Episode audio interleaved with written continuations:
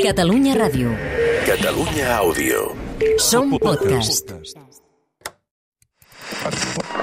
Feinada dels bombers, que treballen des de fa dues hores en aquests moments per apagar un incendi que crema el massís del Montgrí al Baix Empordà.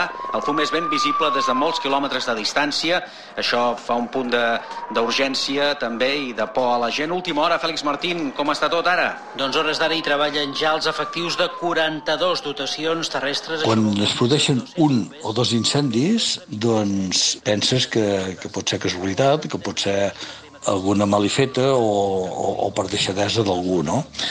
Quan varen veure que se'n produïen 3, 4, 5, gairebé sempre els mateixos dies i a les mateixes hores, i parlant també amb el cap de la policia, bàsicament de la policia local, i també després amb Mossos i bombers, de seguida vam arribar a la conclusió de que aquests incendis eren provocats i eren provocats per una persona que a més a més seguia uns paràmetres molt semblants i per tant es tractava d'una persona amb una patologia de piròman Just aquesta nit, precisament, començava a Torroella de Montgrí la prohibició d'accés a peu del massís del Montgrí, precisament per aquest risc d'incendi i per la previsió d'entrada de vent del sud, que és molt sec i rescalfat.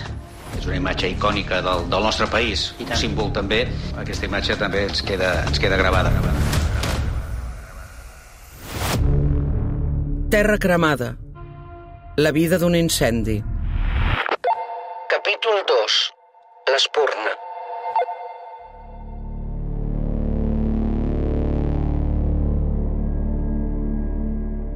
Sense la combustió, els incendis forestals no existirien. De la mateixa manera que la vida humana necessita un òvul i un espermatozou per néixer, el foc necessita tres coses. El combustible, l'oxigen i una font de calor, vingui de la natura o de l'acció humana. L'espurna és l'inici de tot.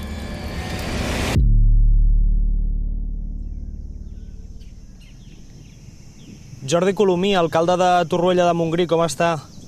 Hola Nil, com estàs? Com recorda aquell estiu del 2021 en què hi va haver 12 incendis aquí, al massís del Montgrí? Bé, eh, recordem aquells dies eh, amb molt de neguit perquè no enteníem com es anaven produint incendis i sobretot doncs, eh, el que podia representar per tot un, un espai tan important per nosaltres i tan estimat per tota la gent de Torroella de l'Estartit com podien ser els incendis, perquè tots som conscients del que podria passar doncs, amb un incendi en tramuntana en el Montgrí. No? Per tant, amb una preocupació extrema, amb molt de neguit i activant totes les alarmes i totes les alertes possibles des del primer moment. Expliqui'ns per què és important el Parc Natural del Montgrí. Parc Natural del Montgrí, les Illes Medes i el Baix Ter és un parc natural que nosaltres, evidentment, més que com a parc natural, l'entenem com una part de, de les nostres vides. Eh? De, tots de petits ens hem passejat pel Montgrí, per les dunes, pel riu, per la resclosa, eh, la platja, el pla, eh, per tant, eh, la costa del Montgrí, les Illes Medes, tot això conformen un parc natural, però bàsicament el que conformen és un sistema molt i molt variat, molt i molt divers, preciós, encantador, que evidentment és fràgil, no?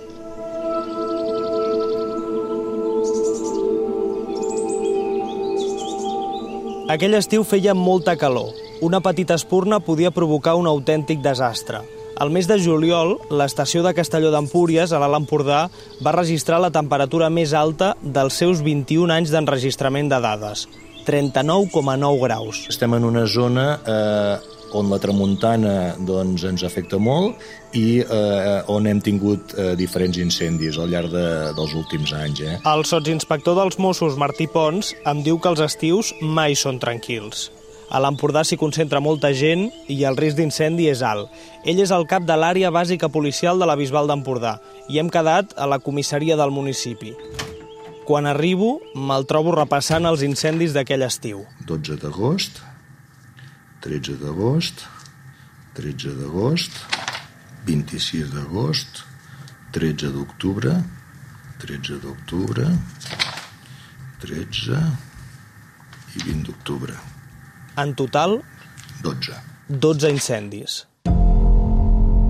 En aquest cas concret, el 20 de juliol, vàrem tenir dos incendis molt seguits, val? pràcticament en la mateixa zona, i l'endemà, ja dia 21, també en vàrem tornar a tenir un altre. Per tant, en el moment que tenim tres incendis tan seguits eh, en un massís com és el, el Montgrí, que és un espai natural, eh, a més és espai protegit, això ens fa activar totes les alarmes. En dos dies, tres incendis al massís del Montgrí. Incendis molt petits. Eh? El primer, el de les 5 de la tarda, van cremar 6 metres quadrats de matolls més o menys. El de les 10 del vespre, 2 metres quadrats.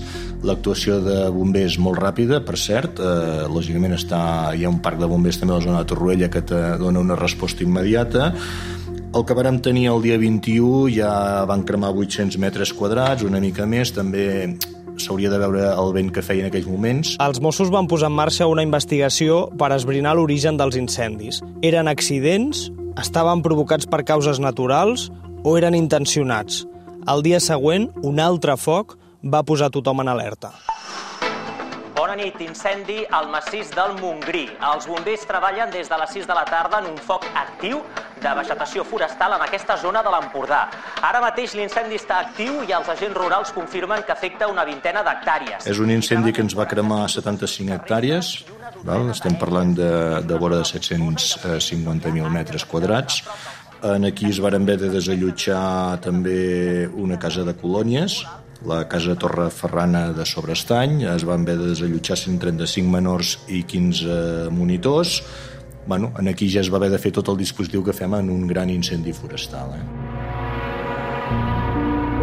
Els bombers van necessitar 12 dies per donar-lo per extingit. Amb els quatre incendis, la hipòtesi d'un possible piròman va agafar força.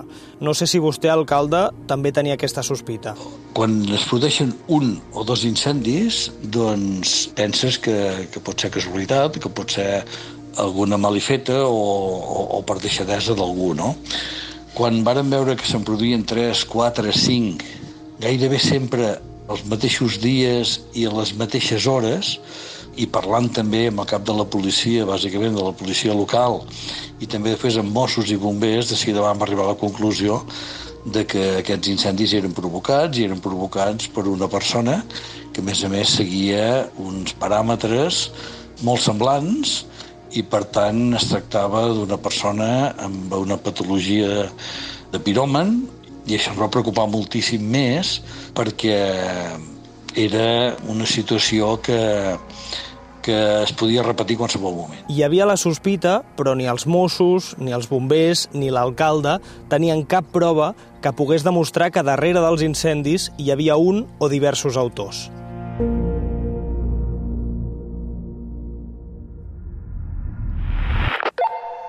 ...12 d'agost. Passaven poc més de 20 minuts de les 6 de la tarda.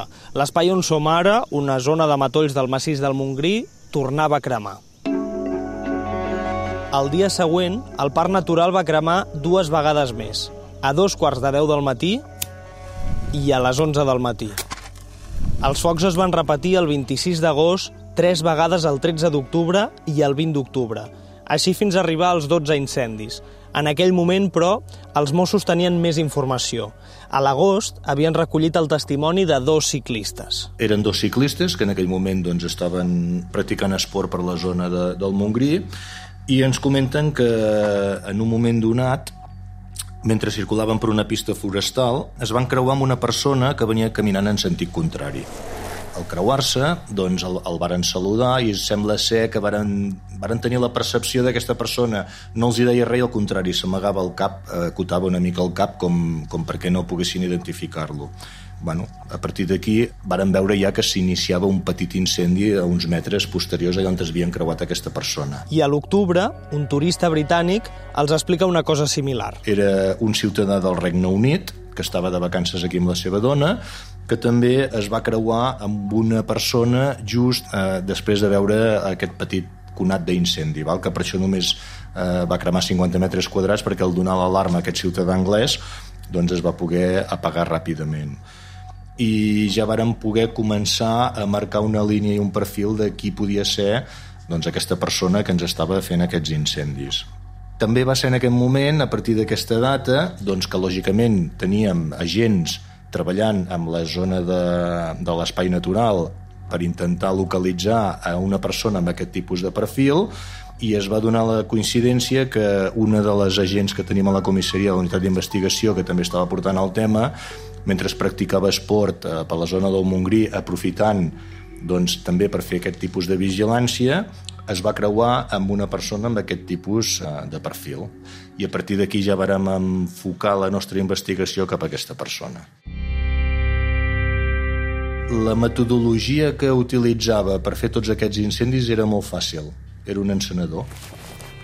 Anava amb l'encenedor, cremava i deixava que s'encengués. No hi havia cap tipus de producte que ajudés a fer aquest tipus d'incendi, per tant era fàcil. Si s'encenia bé i si no s'encenia tampoc deixava cap prova de, de com es podia haver fet, com en d'altres incendis que sí que deixen doncs, algun tipus de material inflamable. Els Mossos van centrar tots els esforços en aquesta línia d'investigació. En un reconeixement fotogràfic, un dels testimonis va ratificar que la persona que veia en una fotografia era la mateixa que s'havia trobat enmig del parc natural. El jutge va autoritzar l'entrada dels Mossos a casa del sospitós. Fem un seguiment d'aquesta persona. Es fa un seguiment des de, tot, des de tots els nivells. Eh, es mira quin perfil de persona és, a què es dedica, eh, quina motivació podria tenir doncs, per fer aquests actes, etc etc. Val? Quan tenim tota aquesta informació, el que fem eh, doncs és motivar una entrada per veure si trobéssim doncs, encenedors, per veure si l'enganxem també fent el foc infraganti, que això seria el més fàcil per poder doncs, practicar la detenció. En aquest cas, vàrem demanar una ordre d'entrada, ens la varen concedir i vàrem trobar els, els encenedors. L'home era un veí de Torroella de Montgrí de 54 anys i no tenia antecedents. Per sorpresa dels agents, un cop detingut, va confessar els fets. D'entrada, en el moment que li agafem la declaració ja com a detingut, ens diu que sí, que ell és l'autor de tots aquests incendis, val? i que el que volia era netejar el sotabosc perquè estava molt brut. Val? Aquesta és la resposta que ens dona eh, doncs per poder d'alguna manera acreditar el per què d'aquests incendis. Val? També ens, eh, ens confirma de que els encenia amb l'encenedor, vale? que feia com un petit piló de branquetes i amb l'encenedor pues, eh, calava el foc tant amb fulles seques com amb branquinyols i tal de, de la zona. La dotzena d'incendis forestals que des de l'estiu han afectat el Parc Natural del Montgrí al Baix Empordà han estat intencionats i, segons els Mossos, el presumpte autor és un veí de la població de 54 anys que han detingut. Un dels focs és el que a finals de juliol va cremar 92 hectàrees. També va ser una sorpresa per nosaltres el fet que ell eh, s'autoinculpés de tots aquests incendis perquè el més difícil de poder acreditar d'un piròman ser l'autor és poder-lo veure infraganti com està fent el foc. Val? I eh, com que normalment això es fa amb diferents franges horàries i el bosc, per desgràcia, és molt extens, és molt difícil de, que policialment puguem veure com estan fent aquests incendis. Arran de la meteorologia que hi havia en aquells moments de, de forta calor i també per l'alarma social que havia generat tots aquests incendis i pel tema de l'infocat, que a Catalunya també hem tingut incendis molt heavies, Vàrem demanar l'ingrés a presó d'aquesta persona i el jutge doncs, va decretar eh, l'ingrés a presó.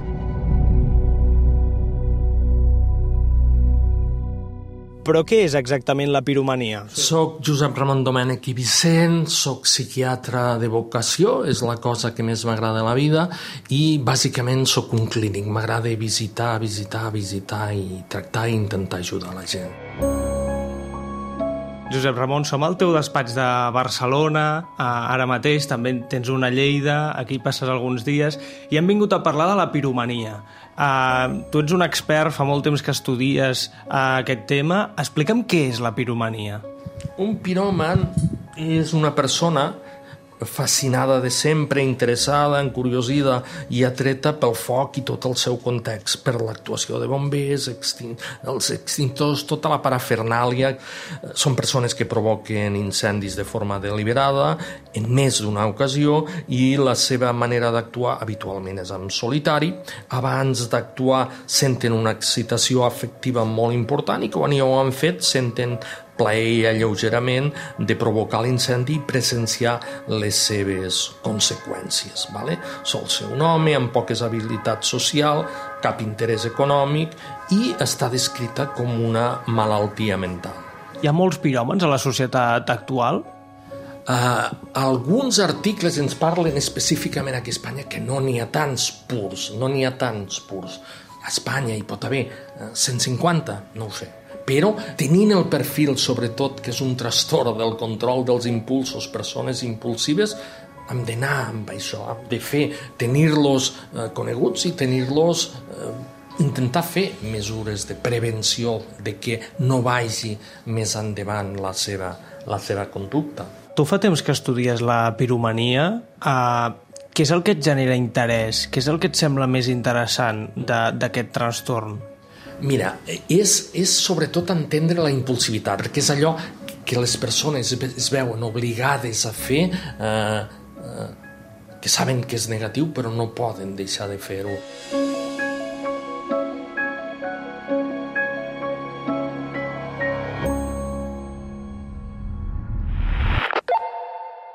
El foc ja crema. Les branques, els troncs i les fulles s'oxiden mentre un núvol de fum s'aixeca lentament sobre els arbres. És el senyal que posa tothom en alerta. Ningú dormirà tranquil fins que el foc s'apagui.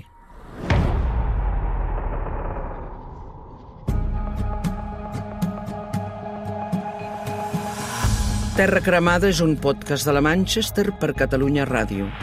Direcció i locució, Nil Marvà. Guió, Xènia Santigosa. Realització, Pablo Sánchez. Veu, Mercè Arànega. Catalunya Ràdio. Catalunya Àudio. Som podcast.